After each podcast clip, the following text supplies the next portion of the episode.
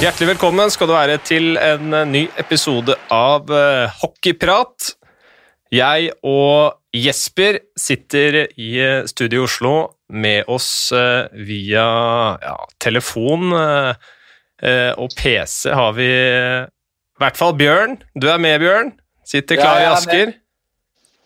Så har vi eh, vesentlig lenger vest Ruben Smith, som også er med. Ja, jeg er her. Veldig hyggelig å ha deg med, Ruben. Takk og for hyggelig å få være med. Åssen eh, åssen står det til med deg? Det er jo sånn, Vi hører jo stemmen din på, på Zoom, og sånn, men nå er det jo ikke det er ikke så mye vi rekker å prate sammen sånn, eh, sånn utover det. Er du klar for, eh, klar for match i morgen? Du skal vel i ilden sammen med Espen Veen da Vålerenga gjester DNB Arena? Ja, det gleder jeg meg veldig til. Eh, spesielt siden Oilers ser mer ut som seg sjøl òg. Eh, så det gleder jeg meg veldig til. Og det er kult å få, få kommentere med The Big Boys. Og jeg gleder meg til å være med Espen i morgen. Vi kan jo ta det litt først, da, egentlig, siden vi, siden vi starta i DNB Arena. Som du sier, Oilers eh, startet, eh, startet bra etter pausen. Eh, Sett litt mer ut som seg selv. Altså, altså det er for så vidt eh, ikke all verdens motstand de har møtt. Et Lillehammer som har vært veldig varierende denne sesongen, Narvik som er tabelljumbo, men i hvert fall å få med seg noen seire, det har vært viktig for, for Oilers nå, Ruben. Ja, det tror jeg har vært veldig viktig. Eh, Jeg tror det var viktig at de fikk den pausen òg. Det å på en roa seg litt ned og, og fått litt sånn avstand til eh, det der stresset som oppsto i starten. Så nå tror jeg at de har på en måte ja, funnet seg sjøl litt. Spilt på seg litt selvtillit. Og selvtillit er jo et ganske mektig virkemiddel, det. Så eh, jeg tror at de er helt klart inne på rett spor, men, eh, men eh, taper de igjen i morgen så vil jeg jo, selv om det er lenge, lenge igjen, så vil jeg nesten si at da er seriegullet Da kan vi nesten legge lokken på, på seriegulleska. Ja, hva vil, hva vil det si, Jesper, hvis de, hvis de ryker mot Vålerenga? Ja, altså det, er, det er klart at de kan fort havne i en litt sånn, der, litt sånn negativ tralt igjen hvis man ryker, eh, ryker mot Vålerenga i morgen. Jeg synes Det er litt, litt tidlig å friskmelde Stavanger etter to seire, men jeg syns de leverte bra på Lillehammer. eh, og var jo solid seier sånn sett i Narvik også, så det er klart hvis de får i gang eh, Hvis de vinner i morgen og, og setter eh, Vålerenga litt på plass, så tror jeg vi skal eh, hva skal jeg si, melde at eh, Stavanger begynner å komme i rute. Ja, må huske at eh, Oilers ble jo på en måte litt sånn friskmeldt eh, underveis òg, når de hadde denne sesongen, eller den tilsvarende på en måte svak start for vel tre sesonger siden. Eh, men da var det jo fortsatt litt sånn opp og ned. Nå, nå håper jeg jo for all del at, eh, at de skal bli ordentlig friskmeldt, eh, og at de beste spillerne på laget er de beste. Du har Costello, som vi snakka mye om før, som på en måte har hatt seks poeng, seks poeng nå de siste to matchene. og Det som på en måte betyr mest for det som jeg har sett, det er at de har sett liksom, tunge og vonde ut å spille mot. Spillet mot fem mot fem har så det bra. og, og på en måte der det var liksom én og én, så nå var det liksom et kollektivt spill da, de siste to kampene. Så får det heller være at uh, motstanden ikke har vært på topp, men at laget har på en måte ligna på det Oilers-laget som vi hadde forventa. Det, det er i hvert fall det jeg tar med meg de, fra de to kampene som jeg har sett nå så langt. Eh, Bjørn, det er jo Ja. ikke veldig langt opp til øvre halvdel eh, for, eh, for Oilers heller. I øyeblikket så er det altså De har 12 poeng. Eh, Lillehammer på fjerde har 17, og Oilers har også én kamp mindre spilt, så uh, det er ikke det er ikke mange kampene her som skal til før Oilers eventuelt kan klare å karre seg et godt stykke oppover tabellen. Nei, Det er helt riktig. Jeg er helt enig med Ruben i at hvis de slår Vålerenga i morgen, så kan man begynne å snakke om friskmeldt. Men eh, jeg må si at jeg så både matchen mot Narvik og mot, eh, mot Lillehammer. Og i begge matchene, altså kanskje spesielt Narvik, så var jo, var jo den med egentlig nesten hele veien. Og, og på Lillehammer, så i andre perioden der, så kjørte jo egentlig Lillehammer matchen, men det ender 1-1. og Det var heller ikke Altså Resultatene i de matchene tilsier ikke banespillet, kan man si. Lillehammer var fryktelig svake defensivt. altså Helt sånn junioraktig til tider. Riktignok var Oilers bedre, og de skåra en del goller, men eh, jeg er veldig spent på å se den matchen i morgen mot Vålerenga, for jeg har ikke friskmeldt Oilers helt ennå. Nei, og det er klart, altså de har jo, Hvis man, hvis man ser videre på, på, programmet til Oilers også, så, så har de jo da, de skal møte de skal møte Etter Vålinga så har de Gryner, så har de Narvik, eh, de skal en tur til, til Sarpsborg, eh, før de da har eh, Gryner igjen, og så Manglerud. Så de har jo faktisk en del matcher hvor de eh, potensielt kan ta mange seire på rad og havne inn i den der gode stimen som gjør at du på en måte har, har trua på prosjektet igjen. da. Ja, ja og Derfor må de slå Vålerenga i morgen tror jeg. Gjør de det, så, så blir det nok eh, masse poeng i de kommende matchene som du nevnte her, også mot det som i utgangspunktet skal være mye lettere motstand, selvfølgelig. Så er det jo viktig den derre Altså en seier i en, en, kamp hvor kanskje ikke resultatet gjenspeiler eh, altså spillet på isen. Eh, det gjorde det for så vidt heller ikke når eh, de tapte 7-2 i Stjernehallen. Det var ikke noe 7-2-kamp sett over ett, det heller. men men de seirene, i hvert fall, da, på litt middels dager, det gir jo arbeidsro. Gjør det ikke det? Ja, det er klart. Det er klart. Og, og de tar seks poeng. Eh, så det var nok veldig viktig for Stavanger å komme i gang etter den pausen. Det er jo ofte sånn vi, at Før sånne pauser så er de lagene som ligger på toppen er på, på gang. De uh, syns det var veldig synd at den pausen kom akkurat da. Oilers i motsatt situasjon syns det var veldig deilig at den pausen kom akkurat da. Og så er det jo hva som skjer etter pausen som ofte gjenspeiler uh, Uh, om man på en måte får en vending i resultatene man hadde før pausen, og det har man fått for eh, Oilers sin del så langt. Er det noen av dere som har hørt den uh, Puckpodden-episoden med Ståle Solbakken? Ja, jeg har hørt den. Jeg må jo si at uh, Ikke at vi skal gjengi hele denne episoden her nå, uh, dere får eventuelt gå inn og høre på det, men den kan vi på det sterkeste anbefale Bendik og Erik som har med seg Ståle Solbakken, og de kommer eh, en god del innpå uh, Oilers eh, situasjon der, når det kokte som verst. Hva er det som foregår i en garderobe, hva er det som foregår i hodet på en trener? Hvordan skal man tenke? og er en mann som vet hva han snakker om i de situasjonene, så er det Ståle Solbakken. Så vi får, vi får hoppe videre med en, med en, liten anbefaling der. Kan jo for så vidt, siden Vålerenga også skal ut i aksjon, har vært nevnt Frisk Asker koser seg på, på Jordal ennå.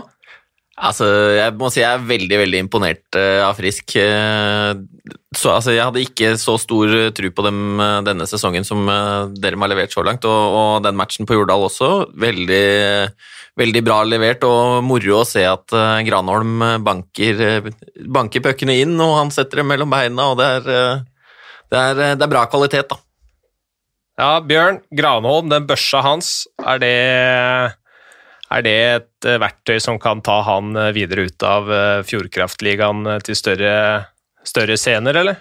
Ja, Han har i hvert fall en fryktelig spisskompetanse i det studiet sitt, som han nå kanskje har blitt flinkere til å bruke på de riktige stedene. Han er fortsatt litt sånn i banespillet, så er det fortsatt litt hva skal jeg si for noe, litt løkkehockey-tendens innimellom, med litt mye frakting av puck og, og, kanskje litt gærne valg på på feil steder osv. Men, men uh, han har blitt mye flinkere til å bruke skuddet når han kan bruke det. Uh, og han, altså, det er uh, helt vanvittig det håndleddsskuddet hans. Uh, Snakka med Niklas Dahlberg, keeperen til Frisk, for en tid tilbake. Han, han sa at han, ja, han var altså så imponert over det skuddet til, til Granholm at ja, svaret på at han har en spisskompetanse som kan ta han videre, er, er ja. Laget fortsetter å levere. Vi, vi, var jo mye gjennom det her forrige episode, for så vidt, da vi ga Frisk terningkast seks, for de har bevist eh, så langt. Og de har ikke eh, resultatmessig i hvert fall levert noe verre. Eh, Vålerenga òg, eh, kanskje nevne Taimi, da, som eh, kom inn, den finske bekken. Eh, eh, Bjørn, Nei, det var kanskje mot Sparta, det. den kommenterte vel ikke du, men den der første skåringa han hadde for Vålerenga, var det det? Når han ble spilt på blank av Sørvik, en sånn ordentlig callback-pasning, og tok ned den på tennis og, og satt dem, var det det, Jesper? Det var eh, Det var et kremmerhus. Ja, Det er jo ikke noe tvil om at det er en kvalitetsspiller som, som Vålerenga har fått inn i, i uh, Timey. Han uh, ser ut som han kan være med å levere både framover og er solid uh, hjemover, det, jeg, det, lille jeg har sett han så langt. Da. Dette drar oss jo over mot en av de større overskriftene som har vært i det siste. Da. Det, har, uh, det har skjedd ting i Fredrikstad. Andrew O'Brien tilbake i Stjernen. Hva betyr det for, eh, for eh, de røde i Fredrikstad, Bjørn? Nei, Det er jo først og fremst uh, veldig morsomt at det kommer uh, nok en uh, hva skal jeg si for noe, hjemvendt profil til Fjordkraftligaen. Han ikke, altså Det har vært mye snakk om alle utvisningsminuttene hans og udisiplinert spill osv., men han leverte jo meget, meget bra offensive bidrag også. Var jo en morsom spiller å, å se på. Nå ble sjuren hans, C7-en hans er det det heter, i Dinamo Riga veldig, veldig kort. Han rakk ikke mer enn sju matcher og, og, dro på seg 24 utvisningsminutter på den tida, men ikke noe, noe, poeng. og det er klart at Stjernen får en, en spiller som hele ligaen kjenner til, og som hele ligaen kommer til å prøve å erte på seg så godt de kan. og Hvis han da klarer å oppføre seg ordentlig, så er jo det en kjempeforsterkning for Stjernen. Og Så får vi se hvordan de løser det da, hvis Farrell kommer tilbake igjen, som jo tross alt fortsatt er under kontrakt med Stjernen, noe som gjør at de har en utlending for mye. Ja, det blir ikke noe hodebry enn så lenge, men, eh, men hvis det skjer, så, så, er det vel ikke O'Brien som skal sitte på tribunen, Jesper? Nei, det tror jeg ikke. Og det er klart at det, da, det hjelper jo å få inn han for, eh, for backup-stillinga til, til, Stjernen, og, som har jo sett litt rufsete ut uh, bakover i banen. Og, og, få inn en som har den, den karakteren som O'Brien har, da kan de sikkert få litt, litt orden på det. Og blir spennende å se hvem, hvem de setter sammen i backpara også, om de tenker med både da både med De Haas og med Brown, Ponomarenko, eh, og hvordan de tenker at det skal, eh, skal løses. Ja. Uh, uansett, altså Få inn en type som O'Brien, som også krever mye av spillerne rundt seg, uh, som våger å ta mye plass. Uh, det er vel viktig for, for Stjernen, Bjørn, ettersom vi har vært ganske skuffa over hva toppspillerne deres har levert, i hvert fall de med utenlandsk pass. Ja, det har vært veldig ustabilt. I hvert fall og til tider virka litt uinspirert og uinteressert. Spesielt kanskje Thomsen, som det var knytta veldig store forventninger til. Men så er det jo interessant å se. da, altså Du får inn da en, en sånn type som O'Brien. Eh, som en ledertype osv. Men det er klart at eh, har man allerede undergravd eh, stjernecoachenes autoritet ved å flytte sportssjef Darren Trello ned i boksen, som han var i siste kampen eh, Eh, ja, nei, det der eh, Det skal bli interessant å følge stjernen, for å si det sånn. Ja. Um, en ting også før vi skal hoppe videre til hoveddelen her. Uh, Fjordkrafthjelmen. Uh, det var uh, en del krasse tilbakemeldinger på den. hva, hva syns dere? Jesper, du kan begynne.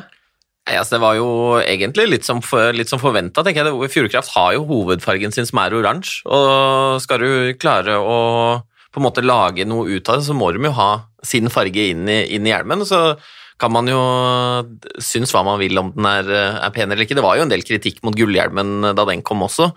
Og um, jeg tror man egentlig venner kunne fint vente seg til det, men det var jo interessant. Da dukka jo opp litt, litt ny info i går, faktisk. Ja, det gjorde det. Vi fikk jo en melding eh, på Twitter av uh, Jon Våg Eikeland uh, fra Fjordkraft, som ville informere om at de har planer om å ta grep. De, de har fått med seg tilbakemeldingene. Jeg eh, er veldig glad for engasjementet, og det, det er vel eh, bare å si at det, det, hjelper å si ifra. For det Fjordkraft skal gjøre nå, de skal istedenfor presentere fire nye alternativer, og så er det en avstemning fra hockeyfansen som skal avgjøre hva som blir den nye, nye hjelmen. Det er vel en, eh, en bra løsning på dette her, Ruben?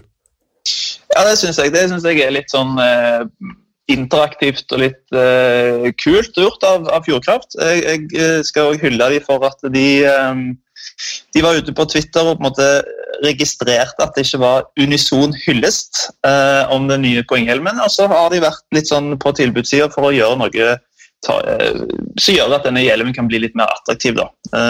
Så, så veldig bra at de er på sosiale medier. og Eh, er interaktive med det norske hockeypublikummet. Så det, det, det, liker jeg.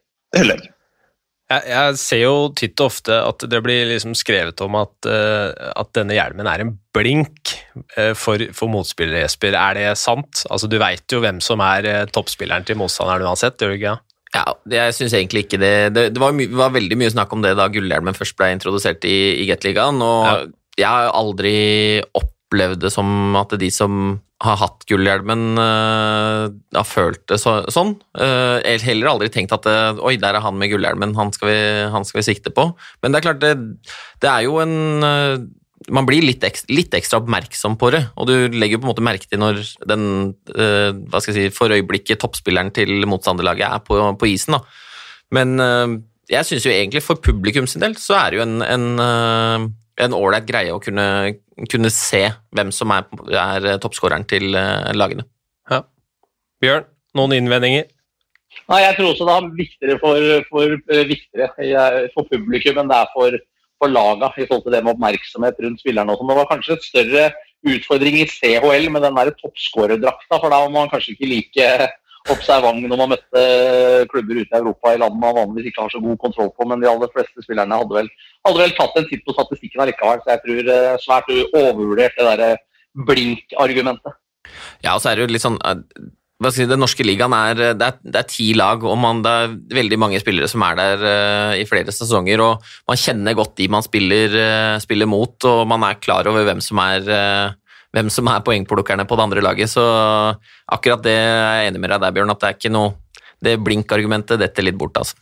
Ja, er jeg er helt enig der. Eh, men det eneste jeg skal være fornøyd med, det er at Fjordkraft, Fjordkraft ikke innfører en sånn en poengdrakt, sånn som de har f.eks. i CHL eller i, i Sveits. Da, da, hadde jeg reagert eh, sterkere.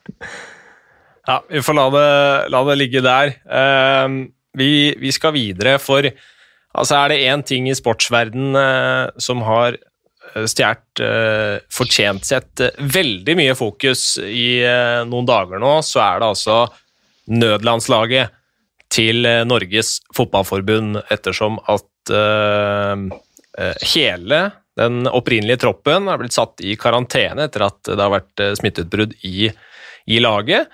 Eh, så har det vært sånn at eh, spillere som eventuelt eh, skulle komme tilbake til Norge og spille, måtte altså i karantene. Og dette har jo skapt masse blest, men har jo egentlig blitt til en ganske morsom greie. Godt eksemplifisert av Ruben Gabrielsen sin video på Twitter hvor han med jeg vet ikke om det var et håndkle han knøt rundt seg og løp rundt i leiligheten sin uh, som om en Avenger, men det var i hvert fall helt, uh, helt nydelig. Um, vi må jo lage et uh, nødlandslag for, for Norges ishockeyforbund også, sånn sett, Jesper? Ja, det er klart det. Må, det, det hører med i disse dagene, det. og, og er, vi, vi drev jo og diskuterte dette her uh, litt i går, og liksom, hva, skal være, hva, skal være, premissene for det? Hvem er det vi, kan, hvem er det vi har å velge mellom? Uh, skal, hvordan skal vi ta hensyn til karantenereglene osv.? Så, videre? så det var en uh, morsom diskusjon. Ja, fordi det, det er jo Premissene er følgende, da. Altså, vi snakker om spillere som ikke hadde vært i den opprinnelige landslagstroppen, og spillere som ikke spiller i Fjordkraftligaen. Ehm, det er ganske mange som hadde vært med fra Fjordkraftligaen, eh, som har levert ekstremt bra, men det lar seg ikke gjøre, rett og slett, fordi eh, de ville jo fått karantene når de kom hjem igjen. Eh, og kunne derfor ikke spilt de første matchene for klubbene sine, og det, det vil jeg se på som uaktuelt for alle der. Men det, det gir jo noen begrensninger, da, Bjørn? Ja, da må vi ut i Europa. da. I, det er klart at De spillerne som da spiller i utlandet, men som ikke er på det norske landslaget, de spiller jo da eh, De aller fleste er i hvert fall primært ikke på det høyeste nivået i de landene de er i. Så det har vært uh, litt av en uh, morsom jobb å, å, å, kikke litt på hvordan kunne et sånt nødlandslag sett ut i norsk hockey. Er, valgene er ikke like mange som i, i fotballen, det har vi vel kunnet klare å slå fast. Nei. Eh, vi kan jo begynne på, på keeperplass, eh, kanskje. og Da gir vi selvfølgelig ordet til, eh, til Ruben. da, Hva tankene dine er der? Da hadde jeg funnet fram to eh, Jeg har funnet fram to keepere. Eh, begge to spiller i SHL i Sverige. Og det er jo ganske spesielt faktisk at vi har to norske keepere i SHL som til vanligvis ikke er på eh, landslaget. Da tar jeg jo selvfølgelig forbehold om at det hadde vært Lars Haugen og Henrik Holm, Henrik Haukeland, som hadde bemanna buret, hadde det vært vanlig. Da har du da Lars Volden i Malmö. Eh, ikke hatt en veldig god start på sesongen så langt, men har jo vært uh, utenlands i mange mange år. Og så har du Jonas Arntzen i Ørebro, som har da fem kamper i Ørebro, for Ørebro i SHL med 91,7 redningsprosent. Så her, her, tror jeg faktisk at uh, dette hadde vært muligheten til Jonas Arntzen til å vise seg fram. At han fortjener mer istid i målet til Norge. Det er ganske, det er ganske gøy da, at vi har uh, såpass mange gode keepere nå. At man kan si at uh, to av de norske keeperne som er i SHL, uh, antakeligvis ikke hadde vært i landslagstroppen. Jeg synes det, det, er en unik situasjon. Jeg tror aldri jeg har vært sånn før. Når, når, når, jeg debuterte på senior, så, seniornivå, så var det jo keeperkrise i norsk hockey. Og nå er det flere som spiller utenlands, og det er flere som har eh, imponerende CV-er. Eh, ref. Eh, Lars Haugen og Henrik Haukeland. Og Henrik Holm har vært bra i Oilers i mange år, spilt bra i Champions League, i OL, VM. Så, så norsk hockey har en del rutinerte keepere, og så har de faktisk ganske mange imponerende talenter som er i Fjordkraftligaen og andre steder nå, som trenger istid. Skal de ta over hansken etter når Lars f.eks. velger å legge skøytene hylla? Så du har ikke nok feriedager igjen? Altså, du tok med deg sjøl her, eh, Ruben, så du bare kunne brukt, uh, brukt, de siste feriedagene på en karantene her? Ja, Det hadde vært fint for min egen del, men uh, den hofta mi den tåler ikke noe uh, målvaktsspill lenger. Så de skøytene de lot jeg ligge igjen i DNB Arena. Så det, jeg kunne være med som målvaktstrener. Det, det hadde vært fint. Ja, vi trenger jo det. Vi har jo et, et støtteapparat også, som vi skal tilbake til etter hvert. Men på backplassene, da. Eh, par mann som i hvert fall er soleklare her, eh, tenker jeg. Eh, kan starte med Adrian Saksrud Danielsen, som spiller i Innsbruck. Eh, en av de mer rutinerte spillere som, som ville vært tilgjengelig på et sånt landslag som det her, Bjørn? Ja, Saksrud Danielsen er selvskreven. Gikk jo fra um, Fjordkraftligaen i fjor, da det het uh, og og er, eh, har vel også vært så vidt innom en samling, hvis jeg ikke husker helt feil, eh, tidligere, Danielsen. og Spilt en del på juniorlandslaget til Norge. Så storvokst Beck, som naturligvis hadde vært med på, på nødlandslaget sammen med en annen storvokst Beck, nemlig Eikrem Haugen. Det er vel de to som, som faller ned først. Ja, Eh, vi har jo bra størrelse i Kristoffer Rask òg, som, eh, som, ikke er veldig godt kjent eh, for de aller fleste her hjemme i, i Norge. Bergenser, som spiller i Karlskrona i Hockeyettan, blitt 26 år gammel, er altså ja, ifølge Elite Prospects her 1,93 cm høy og 93 kg. Så, så, i hvert fall de tre første bekkene her, Jesper. Eh, bra med kjøtt eh, i, i det backkorpset. Ja, og jeg tenkte jeg skulle lansere en til med litt eh, bra størrelse på. Var, det er viktig å ha, jeg tenker at Hvis vi skal ha et nødlandslag, så må vi ha litt, vi må ha litt, litt størrelse på bekkene som kan rydde litt foran, foran, eget mål. og Da tenkte jeg at mitt innspill der var Andreas Røykås Martinsen. Ja. Så at vi får inn, får inn litt size på, på han også. Ja, jeg eh, spiller jo sammen med broren sin i ja, Nå husker jeg ikke klubben her engang. Nå gikk det så mye surr. Spiller i Dalen. Dalen er det. Dalen. Ja, sammen med sin yngre bror Christian Røykås Martinsen, eh, som for øvrig er eh, et av våre noen og tjue draftvalg eh, opp igjennom. Eh, ble drafta av Capitals for noen år siden. Eh, han må vel med, men når du nevner Røykås Martinsen, så er det jo faktisk en Lørenskog-gutt til som spiller uh, i, i Hockeyettan, uh, Martin Vakkanainen. Som uh, har, noen, har vel en sesong i Gateligaen for Lørenskog. har også vært, spilt for Kongsvinger, som kanskje bør være et alternativ på det laget her. har vi noen flere kandidater, Bjørn? Uh, ja, Nå begynner det å bli litt nedover uh, på lista, for å si det sånn. Men, uh, og det er ikke så mange jeg kjenner veldig godt til. Men du har en som heter Tobias Degvold, som er vel opprinnelig Storhamar-gutt, som spiller U20-hockey i, i, Linköping. han ville det vel også kanskje være plass til, selv om vi da er nede på selvfølgelig veldig unge gutter. Men den har vi jo plass til Uh, noen når det gjelder forward-sida når vi kommer dit, for der skal vi jo ha en hel haug på dette nødlandslaget. Så, men Degvold ville nok kanskje også ha tatt en, en plass, og han er jo ikke snau, han heller. 1,90 og 93 kilo, så det er en uh, voldsomt backkorps vi stiller her nå, gutter. ja, jeg syns det er bra. Han er vel også en del av den, den 2002-generasjonen, hvis jeg ikke husker helt feil. Som, er, ja, som, som har mange, mange, bra talenter, og som blir veldig spennende å følge følge i årene som kommer, da, og at det er en, en, generasjon som jeg i hvert fall jeg håper uh, virkelig skal ta opp, uh, ta opp hansken og, og ta, slå seg fram på landslaget. Er det noen flere kandidater da? Uh, jeg har sett, Vi har fått et innspill på Mats Hanneborg, som er lillebroren til Jørgen Hanneborg, stjernekeeperen. Er, er, ganske ung, han også. Vi har bare seks bekker enn så lenge. Mats er, han er 19 år, spiller altså i Karlskrona, han også, på, på juniorlaget der. Eh, vi bør vel kanskje ha med en sjuende bekk òg, Bjørn? Ja, bruker å ha sju bekker og 13 løpere i disse landslagstroppene, i hvert fall til VM, så da får vi ta med han òg, da. Ja, det er tid for løpere, da. Eh, Christian Røykås Martinsen eh, er nevnt. Eh, Altså For meg så var det ganske naturlig. Altså sånn der, jeg tenkte Når jeg skulle sammenligne litt med nødlandslaget på, på, fotballen, så måtte vi ta med noen som på en måte har litt erfaring fra samlinger, men som antag, kanskje ikke hadde vært, uh, vært bankers i noe uh, VM-tropp. Så jeg uh, plukka ut da ut da Samuel Solem og, og Gustav Borevik, da, fra, som begge spiller i, i Sverige. og og jeg har jo vært innom, eh, innom, landslaget på samlinger, men eh, treffer, det føler jeg treffer bra i den kategorien uh, i, som, hvis man sammenligner med fotballen. Ja, Bjørn?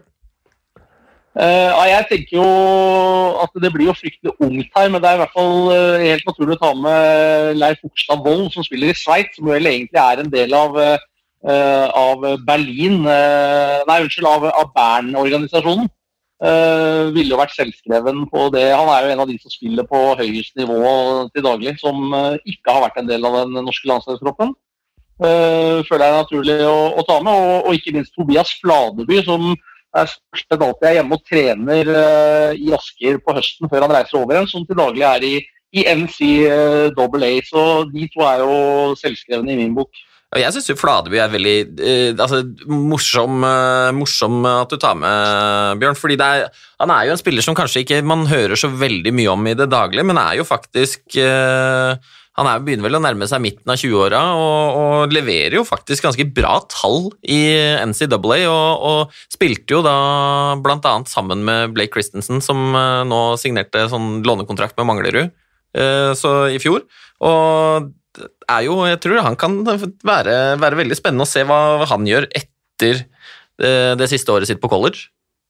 Mm. Ja, absolutt. Han har jo stort sett ligget i topp tre, fire, fem i sitt uh, American International College-klubb uh, uh, i de siste åra. Så han Eh, er absolutt en eh, spennende spiller som kanskje ville ha fått eh, en type samling på et tidspunkt på året hvor, hvor ikke alle de kanskje beste utenlandsproffene er med. Bortsett fra at han er i USA, selvfølgelig, og da er det vanskelig å få tak i det. Philip Granat, Bjørn? Bør vel også være en kandidat her? Eller? Ja, da, når vi er nede på 0-2 Han uh, spiller jo til daglig i Frølunda går på skole der. Fikk uh, faktisk et par treningskamper for SHL-laget til Frølunda når uh, U20-landslaget til Sverige var av gårde på turnering i høst. Så uh, han har fått smake litt på svensk uh, topphockey, og vil også i vårt lag ta en plass der, vil jeg tro. Så må vi jo få med Lukas Lob Trygg, da. Altså Bare navnet der kvalifiserer jo til en landslagsplass, men, men det, vi må jo ha en Trygg på et norsk landslag. Det er ikke det samme uten eh, Jesper? Nei, det er klart det. Og det er uh, Lukas er en uh, med bra hockeygener uh, fra begge sider av sin, sin, familie. Og han, jeg rakk jo faktisk å spille, spille noen matcher med, med Lukas jeg, i, i, Manglerud, og han, han er et veldig bra, bra, talent. Og det blir spennende å følge den utviklinga som han, han har nå, når han har på en måte dratt til, dratt til Ferjestad og, og, spiller jo i utgangspunktet på, på J20-laget der. Så om han klarer å ta, om han klarer å ta et steg opp uh, etter hvert. Hmm. Uh, skal vi se hvilke andre kandidater har vi? Ja, Ruben, uh, du fikk, uh, du fikk selvfølgelig keeperjobben. Har du noen eh, løpere å bidra med? Eller vi har jo Rødne, som er vel i Ja. Nord-Amerika? Ja, jeg satt og venta på, på at han skulle bli ropt opp. egentlig. Han er jo egentlig en kjempespennende spiller som du ikke hører så mye, til, hører mye om nå de siste årene. Men han, var, altså, han produserte vanvittig med poeng for uh, Oilers U21. For uh, dette, nå er det vel to år siden, så var han jo også en, en av de utvalgte straffetakerne i Oilers i de 19 kampene han fikk der. Så han er en spiller, ung spiller med et vanvittig godt skudd, som uh, forhåpentligvis nå bare blir bedre og bedre i, eh, borte i USA, og så kommer han tilbake igjen og bare eksploderer karrieren sin på, via nødlandslaget her nå, eh, denne samlingen som kommer. Eh, Marius Karo Hansen har vi vel ikke nevnt, eh, Bjørn?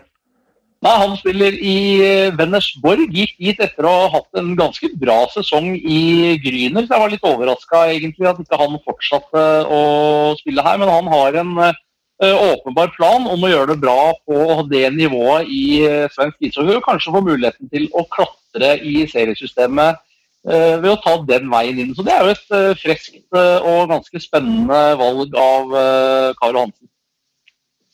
Eh, Så hvis jeg også nevne, vil jeg også nevne Kenneth Papalardo Gulbrandsen, som eh, nylig har blitt signert på, på lån hos eh, Narvik. uh, har jo fått tre kamper for Skellefteå SHL, blant annet. Eh, er jo et stort talent, han også, som, uh, som burde gjøre seg fortjent til en plass her, kanskje. Ja, men Da må han i karantene, da, for nå spiller han i Narvik. Så da bryter vi jo med Ja. Ja, men det- nødlandslaget. Ja, men det er samme med Tobias Degvold, det, som vel starta i Linköping. Han har spilt uh, for Storhamar sitt U21-lag, og vi tenker jo at altså akkurat nå, så for å ta Papalardo, så er jo bare den låneavtalen ut eh, ut eh, året. Og i og med at dette nødlandslaget ble kalt inn før den låneavtalen til Narvik ble kjent, så tipper jeg han hadde gjort helomvending for å spille Ja, noen er kamper med Han må, de må A-landslaget. vel i karantene når de skal hjem til Narvik uansett, så det blir fett. Ja. Men uh, også, vi, vi diskuterte jo litt i går, Bjørn, det med, med Mathias Emilio Pettersen også. Uh, og det er jo, han hadde jo egentlig sånn sett vært selvskreven, men han burde vel egentlig også kanskje vært, eh, kommet seg godt med på det VM-laget, eller? Ja, det, han har jo ikke vært det tidligere, men det er klart han har jo tatt nye steg han siden, eh, siden det. Så spørsmålet er jo om han er tilgjengelig når den tid eh, kommer. Og, og han hadde vel eh, neppe i utgangspunktet, tror jeg, kommet hjem hvis det hadde vært vanlig opplegg å kommet hjem for å, for å delta på en samling nå. På en sånn type og Derfor så ville han mest sannsynlig kunne vært tilgjengelig for et nødlandslag, fordi han Ja. ikke var en, en del av den opprinnelige troppen som hadde vært samla et eller annet sted hvis vi skal ta fotball eh, altså sånn som det har vært med fotballen. Ja, vi får skrive på eh, Emilio Pettersen, og så får vi eventuelt eh, fjerne eh, fjerne fra troppen Ja, når ikke, han vil melder ikke sånn vi sitter og tar ut et opprinnelig lag her. Vi skal ikke sende dem av gårde, så vi kan, vi kan ta med Emilio. Det hadde jo vært Vi kan jo gjøre det, prøve med en eller nødlandslagsturnering. Det hadde jo vært noe å sende, det. Det er mange, mange spillere som, som folk hadde fått muligheten til å bli bedre kjent med da. Eh, Det er jo flere spillere som har blitt lansert eh, av dere som, eh, som hører på. En av dem eh, er Trym Løkkeberg, som spiller i Mora. Vi har Mikkel Øby Olsen, Isak Saveski, Philip Wiberg og William Hedlund. Dette er spillere som, som, som er kanskje de vi kjenner desidert minst av hele gjengen her, Jesper. Men spørsmålet er jo, vi har vært innom dette er et fryktelig ungt lag. Eh, er det sånn at kunne vi fornorska noen gamle, kjente importer som altså dette, Det er ikke et ukjent fenomen i hockeyen. Man ser jo andre nasjoner gjør dette her. Eh, Kasakhstan hatt noen kjempesigneringer. Eh, Tobias Lindstrøm er jo den siste som har gjort det samme i, i Norge. Det har vært snakk om enda flere. Eh, kunne vi f.eks. Eh, ringt til Stefan Vigier, som har lagt opp, eller David Booth, eh, prøve å få dem til å steppe opp her, eh, eh, få et, eh, et norsk pass og, og være med på nødlandslaget?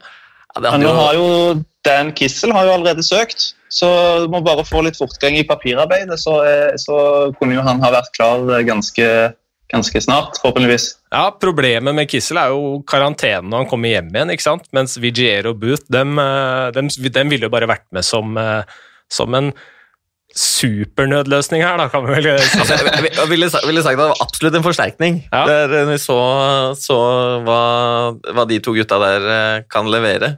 Men jeg tenkte også det var en vi, en vi faktisk ikke tok med her i stad, men som spiller i, i, i NCAA også, er jo Ja, han Joakim Weber. Joakim Weber, ja. Som, eh, som kunne Som sånn sett, da, hvis du, hvis du spiller i NCAA, så er sannsynligheten for at du kommer med på nødlandslaget eh, ganske stor. Så det er bare å flytte dit og vente på telefon. Ja, det er ikke noe tvil om. Og det som er litt morsomt, er at han har faktisk en, eh, en bror også, som er enda eldre, eh, 92-årgang, som eh, hadde lagt opp i, la opp i 2015. Men han har begynt å spille igjen i år i Hong Kong Tycoons. Uh, gjort fire matcher og ni poeng der, så det er ikke umulig at uh, jeg måtte reise over på en studietur for å sette han uh, et par matcher også før endelig uttak. Men jeg skal ikke se bort fra at han med lang uh, fartstid i svensk og amerikansk ungdomshockey også ville fått et, en plass på det landslaget. Han gjorde faktisk 13 poeng på fem matcher i førstedivisjon med norske U18-landslaget i 2010. Men Ja, som sagt, vært lagt opp i fem år, men gjort comeback i år i Hongkong. Den er sterk. Ja, Da er du på radaren til nødlandslaget. Ja, Det er ikke noe å lure på. Han Ja. er med i mitt lag, i hvert fall. Ja, det, da er det jo litt sånn, de, har jo en, det er jo en tredje, de er jo tre brødre der, og alle Han var spilt siste la opp for lenge siden. Han gjorde det, ja. ja. Ja, Sebastian uh, la opp uh, for lenge siden. Han uh, kjenner jeg faktisk litt til å ha sett spille. Han var med i U20-VM i, i 2013 da Norge rykka opp. Ja, da har vi et lag. Har vi ikke det? Ja, begynner å nærme oss, Ja. eh, i hvert fall.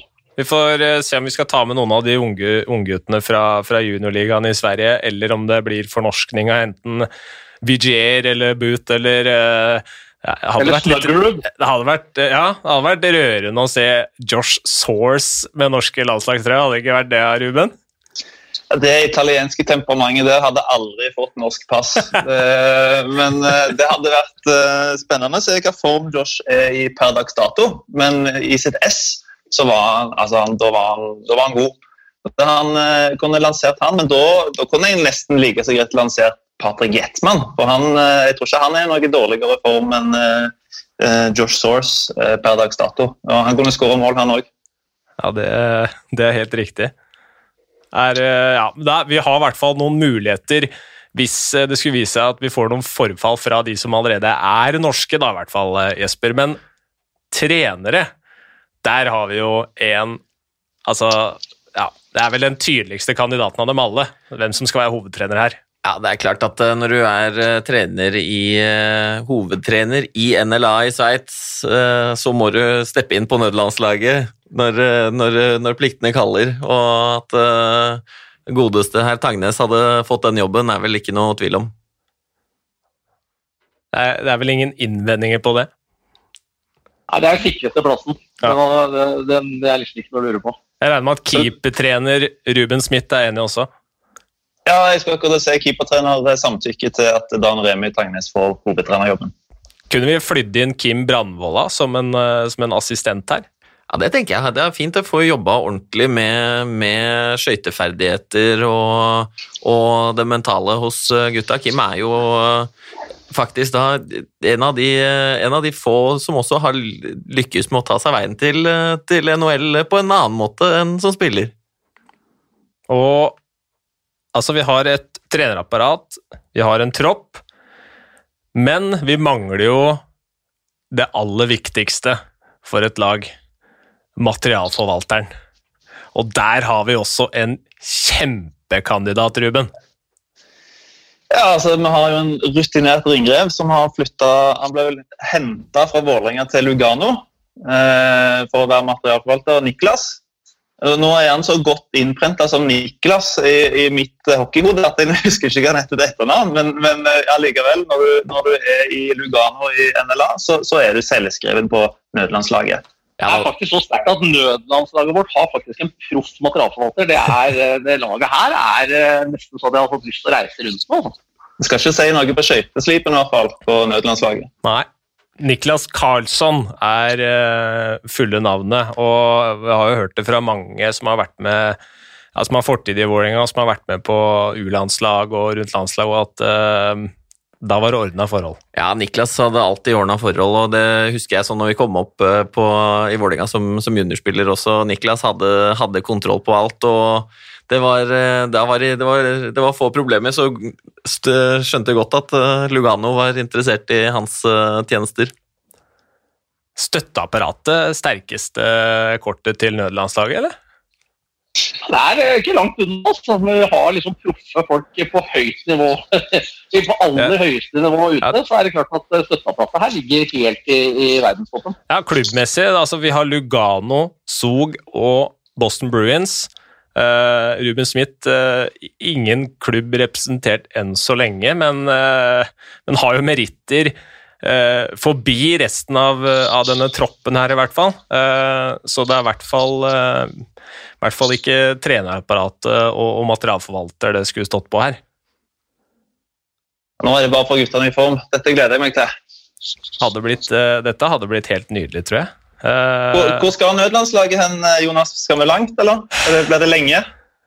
Jeg føler at, eh, at nødlandslaget de møter opp på Gardermoen, så ser du første mulighet hvor det er, eh, hvor det er en ishall. Så må du dra på samling dit først. Og så, Hvem er det de skulle møtt, da? Hva er det som har vært uh, gøy å møte? Firelagsturnering fire på Hawaii, og så blir jeg med som manager. Det høres ut som en plan. Ja, da må vi faktisk ta uh, Mighty Ducks til virkelig verden, og så må vi dra til Trinidad og Tobago og spille fire nasjoner mot Island og, eh, og, og finne noen flere. Ja. Jeg ser for meg Bjørn som manager på dette laget med, med Hawaii-skjorta. Én knapp uh, igjen og to, to bayer i hver hånd og helt i rute. Og så blir vi sendt ned på TV 2-studio her i Oslo Jonas, for å kommentere. Selvfølgelig.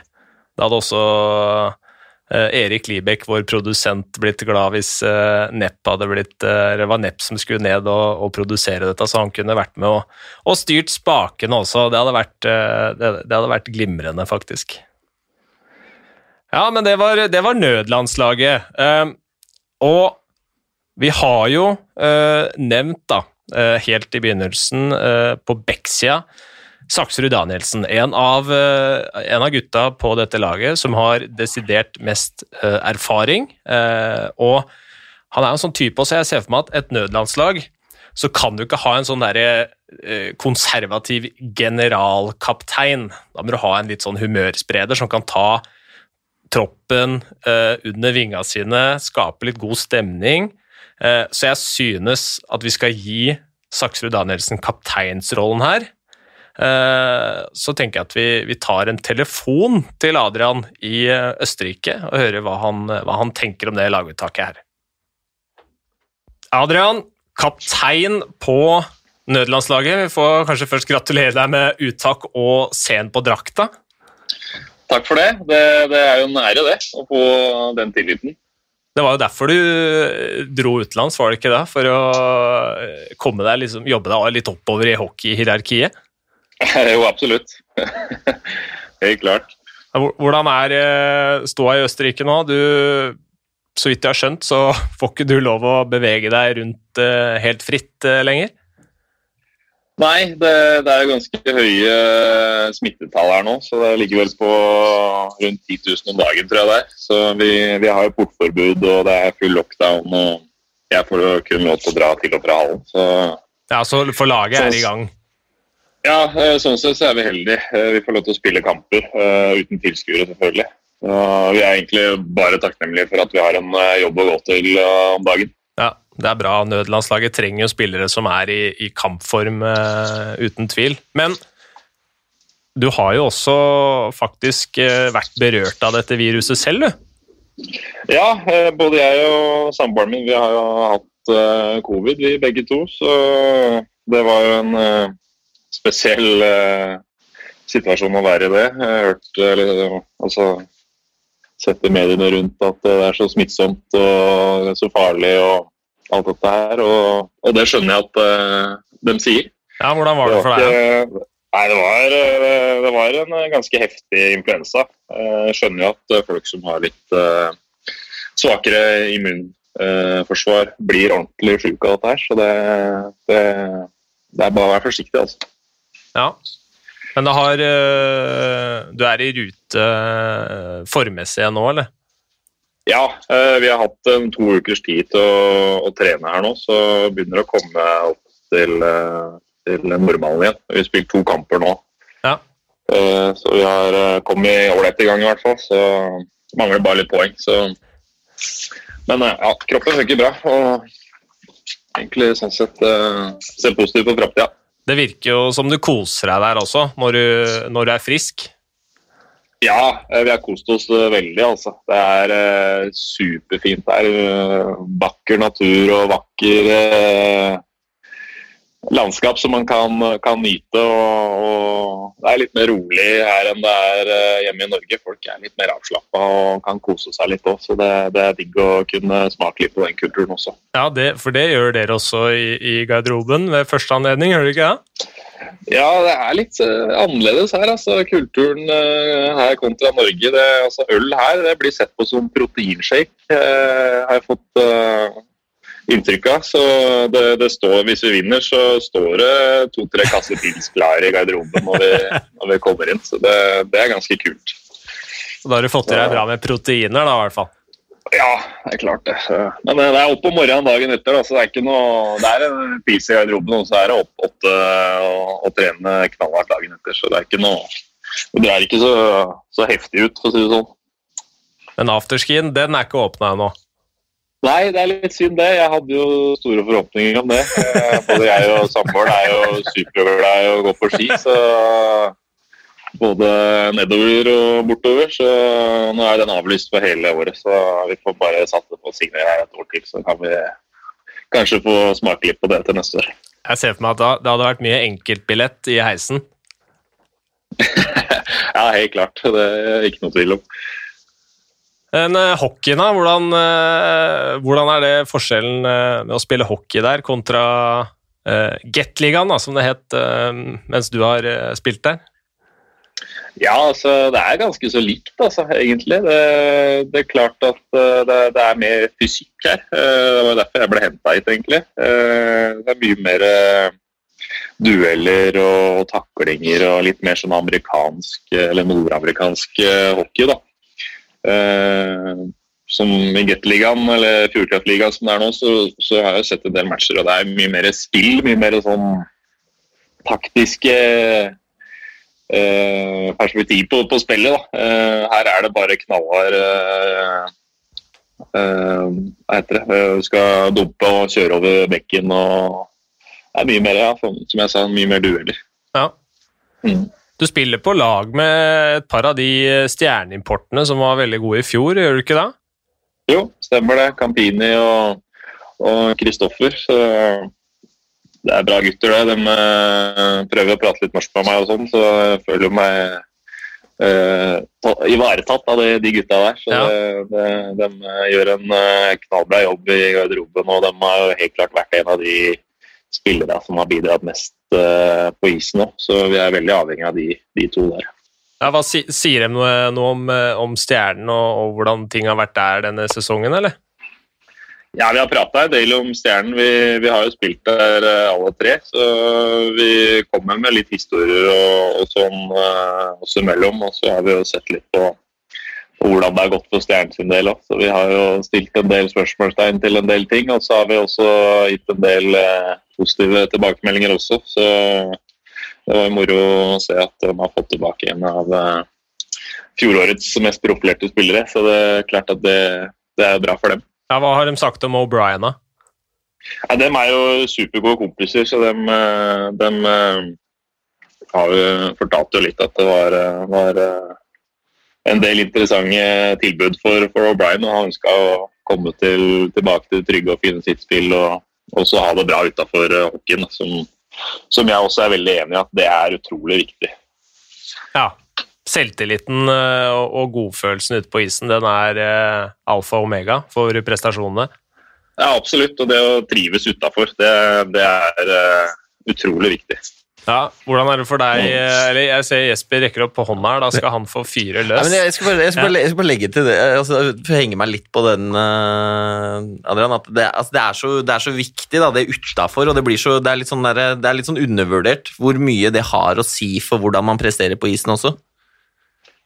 Ja, det, det er det, altså. Det, det er jo mange historier som, som, eh, som eh, med, med spillere hvor eh, de er supergode på papir, og sånn, men så kommer de til en klubb der, eh, der, der det sosiale ikke stemmer. og Det gjør at de ikke presterer, rett og slett. Så det er også mange klubber i, Norge som er veldig flinke på det. Eh, Lillehammer og Manglerud har jeg hørt mange historier om at det er, det er en, en, gjeng med gutter som, som, uh, som uh, har et uh, sjukt bra uh, sosial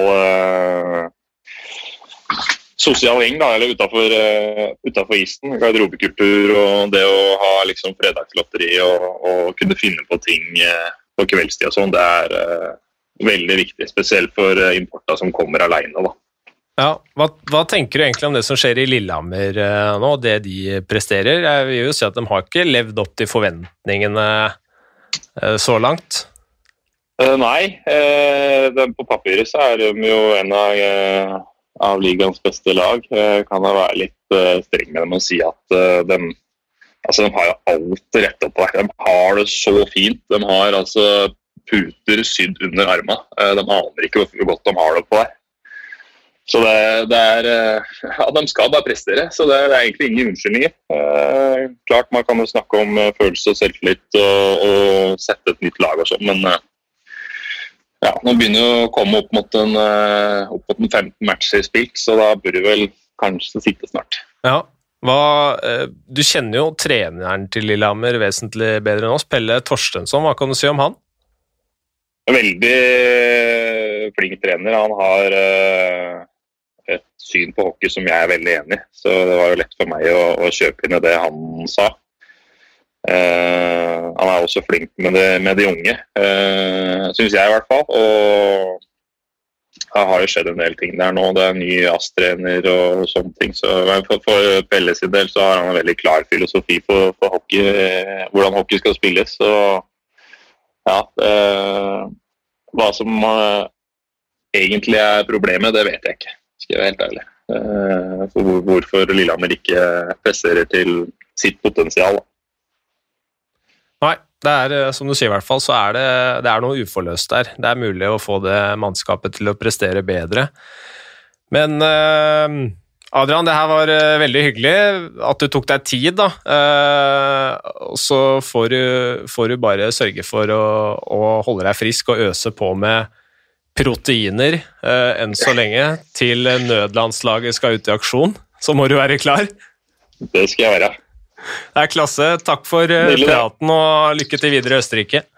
Selv takk. Ha det godt. Ja, det var, uh, det var mye bra som kom fra kaptein til nødlandslaget, Bjørn. Ja, absolutt. Uh, morsomt å høre fra spillere som er i, i ligaen. Nå har vi riktignok hatt en del spillere i, i Østerrike etter hvert, men, men ikke så altfor mange. så veldig, alltid morsomt å høre fra spillere som er ute og har uh, erfaringer både fra norsk liga og utenlandske ligaer.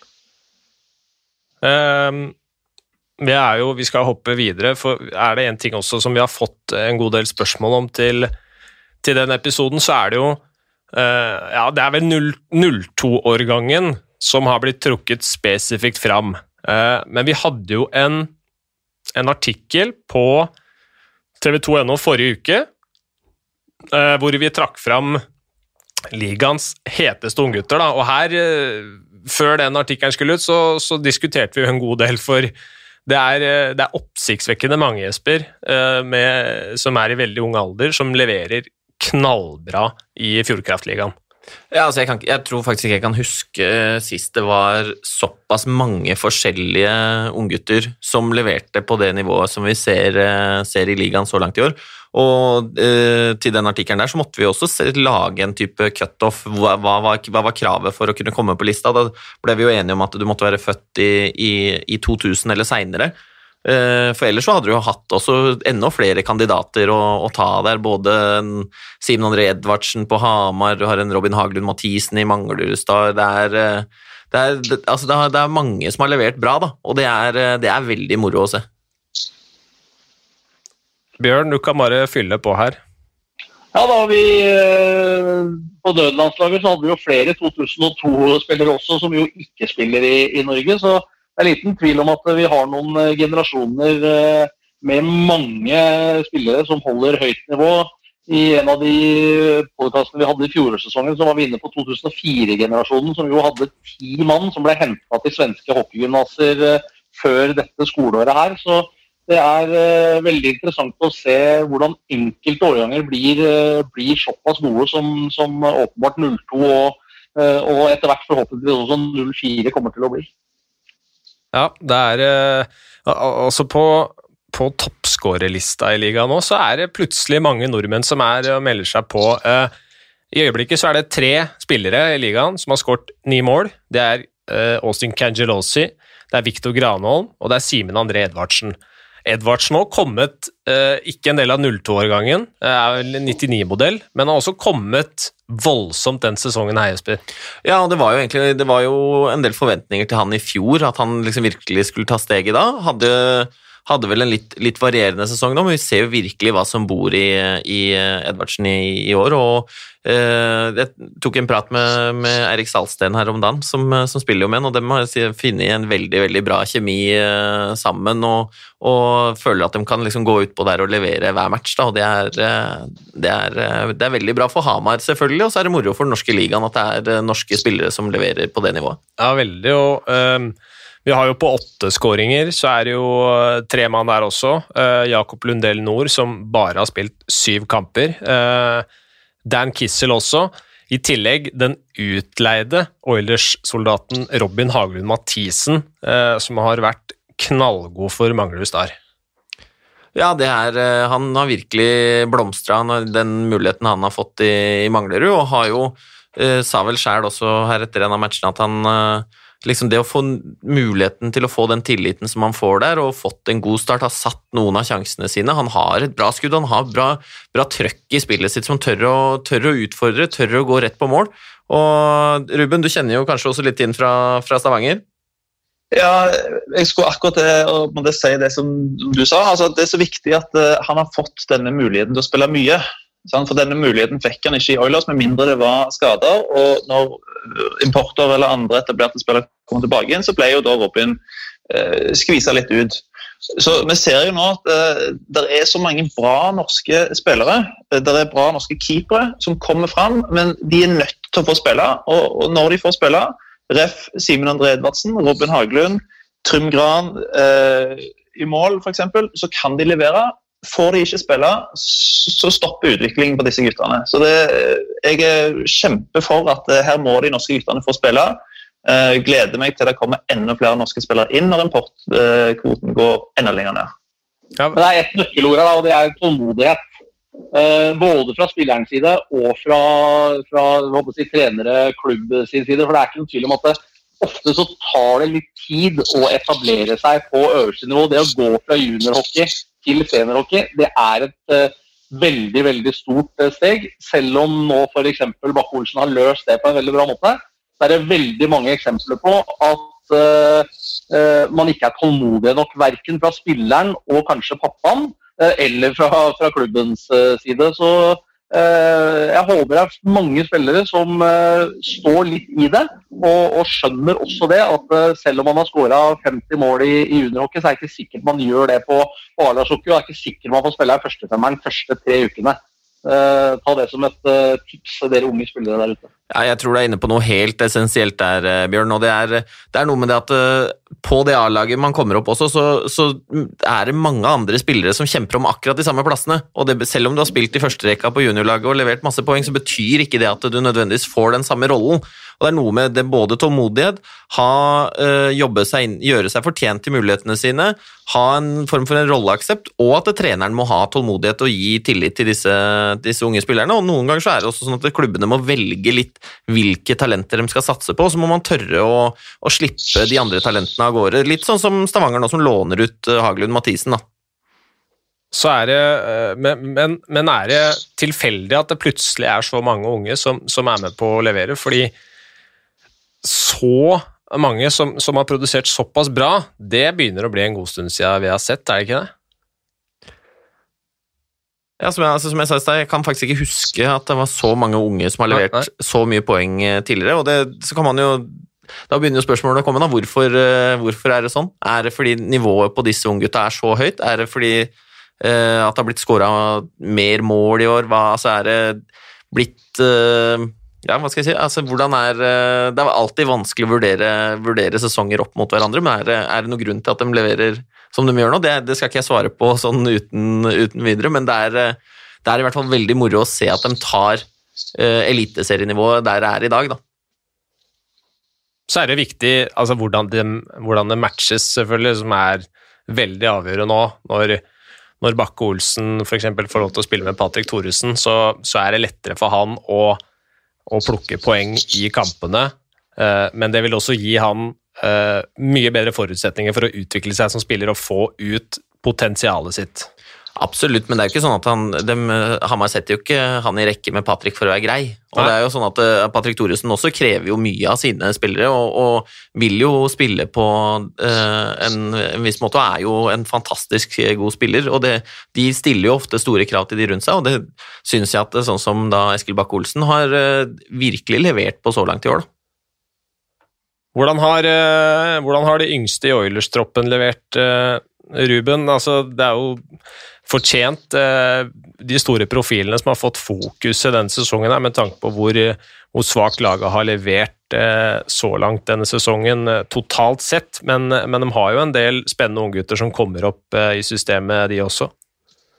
Ja, øh, ja det veldig naturlig at det handler mye om de som ikke har levert, eller på en måte har seg forsørga for at uh, plasseringen Oilers er på nedre halvdel. Men det er jo en del unge gode, syns jeg. Altså, Thomas Berg Paulsen er en solid hockeyspiller. Uh, du har Markus Vikingstad, som er på en måte litt sånn uh, Kanskje burde spilt i en større rolle enn han får per nå, for å kunne utvikle seg. så jeg tenker Skal de guttene ta det neste steget, så bør de gjerne gjøre sånn som uh, Robin Haglund. Og, og, gå til kanskje Manglerud, eller gå til en klubb hvor de får spille mye. Uh, Anders Tangen Henriksen er òg en spiller som sleit med istid i Oilers. Dro til Manglerud, dro til Ringerike og Sparta, og nå syns jeg han er en ordentlig god hockeyspiller. Men fikk liksom ikke den der eh, tilliten til å utvikle og, og lov til å gjøre feil. Uh, og, og, jeg tror at uh, spesielt Berg Paulsen, av det jeg har sett, kan bli en ordentlig ordentlig god hockeyspiller. Uh, men han trenger mer tid på isen skal han, skal han få ut sitt fulle potensial. Håvard Salsten, et annet eksempel på spillere som har flytta på seg, fått større roller Jesper, i, i mindre klubber? Ja, Håvard Salsten var jo Han havna jo på lista vår, han, over de heteste, heteste unge spillerne i, i Fjordkraftligaen, og svarte jo da med å rette og skåre i to matcher på rad, han.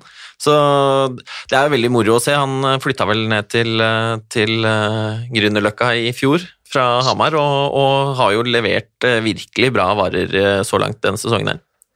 Og så, Ruben, eh, på lista så hadde vi jo et par målvakter, men det, kunne fort vært eh, flere der. Vi har eh, altså Breivoll og, og Gran, men vi har også eh, Tobias Nordmann, som har levert bra for Sparta. Henrik Fayen Vestavik, som har vært eh, god for, eh, for Frisk. Eh, det er jo en ung keeperduo i Stjernen også, med, med Hanneborg og Rabben Arntzen. Der har det vært eh, litt opp og ned. Stjernen slipper inn en god del mål, men, eh, men det er flere grunner til det. Eh, utover altså keepera deres. det er potensialet der òg, Ruben. Ja, jeg, jeg, kan, det er litt sånn som Jesper sa. Jeg tror ikke jeg kan huske sist gang det har vært så mange norske målvakter som har spilt så mye, eller har satt så viktige roller i lagene sine. At det har vært så få importmålvakter. Så det, det er et sunnhetstegn, syns jeg. Trym Gran, eh, Nordmann og Breivoll er jo alle født i 2001, så de går ikke inn under denne 2002-årgangen, men likevel. Eh, der er knallhard kamp dersom vi skulle få lov å arrangere et eh, U20-VM eh, i år mellom de tre, hvem det er som skal få lov å stå mellom stengene. Men så er det jo igjen, hvis de spiller fire kamper i sesongen, så tror jeg ikke de får noen utvikling. De, de er nødt til å få mer kamper. Eh, altså gradvis for å få mer istid og bli vant med eh, toppkamper.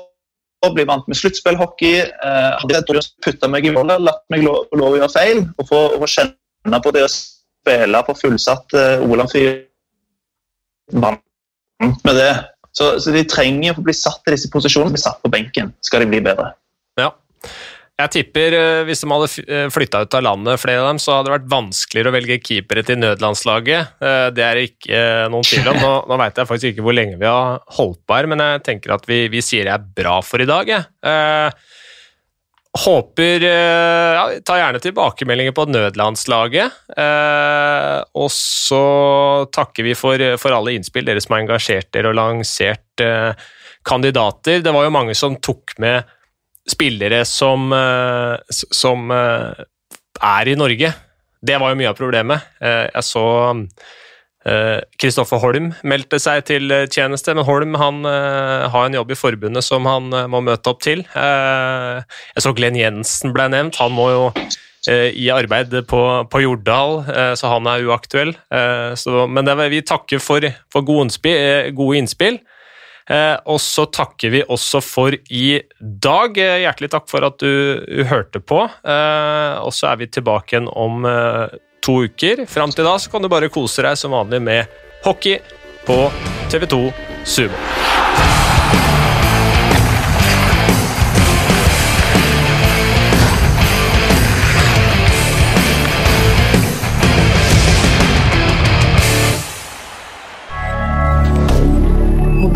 rien.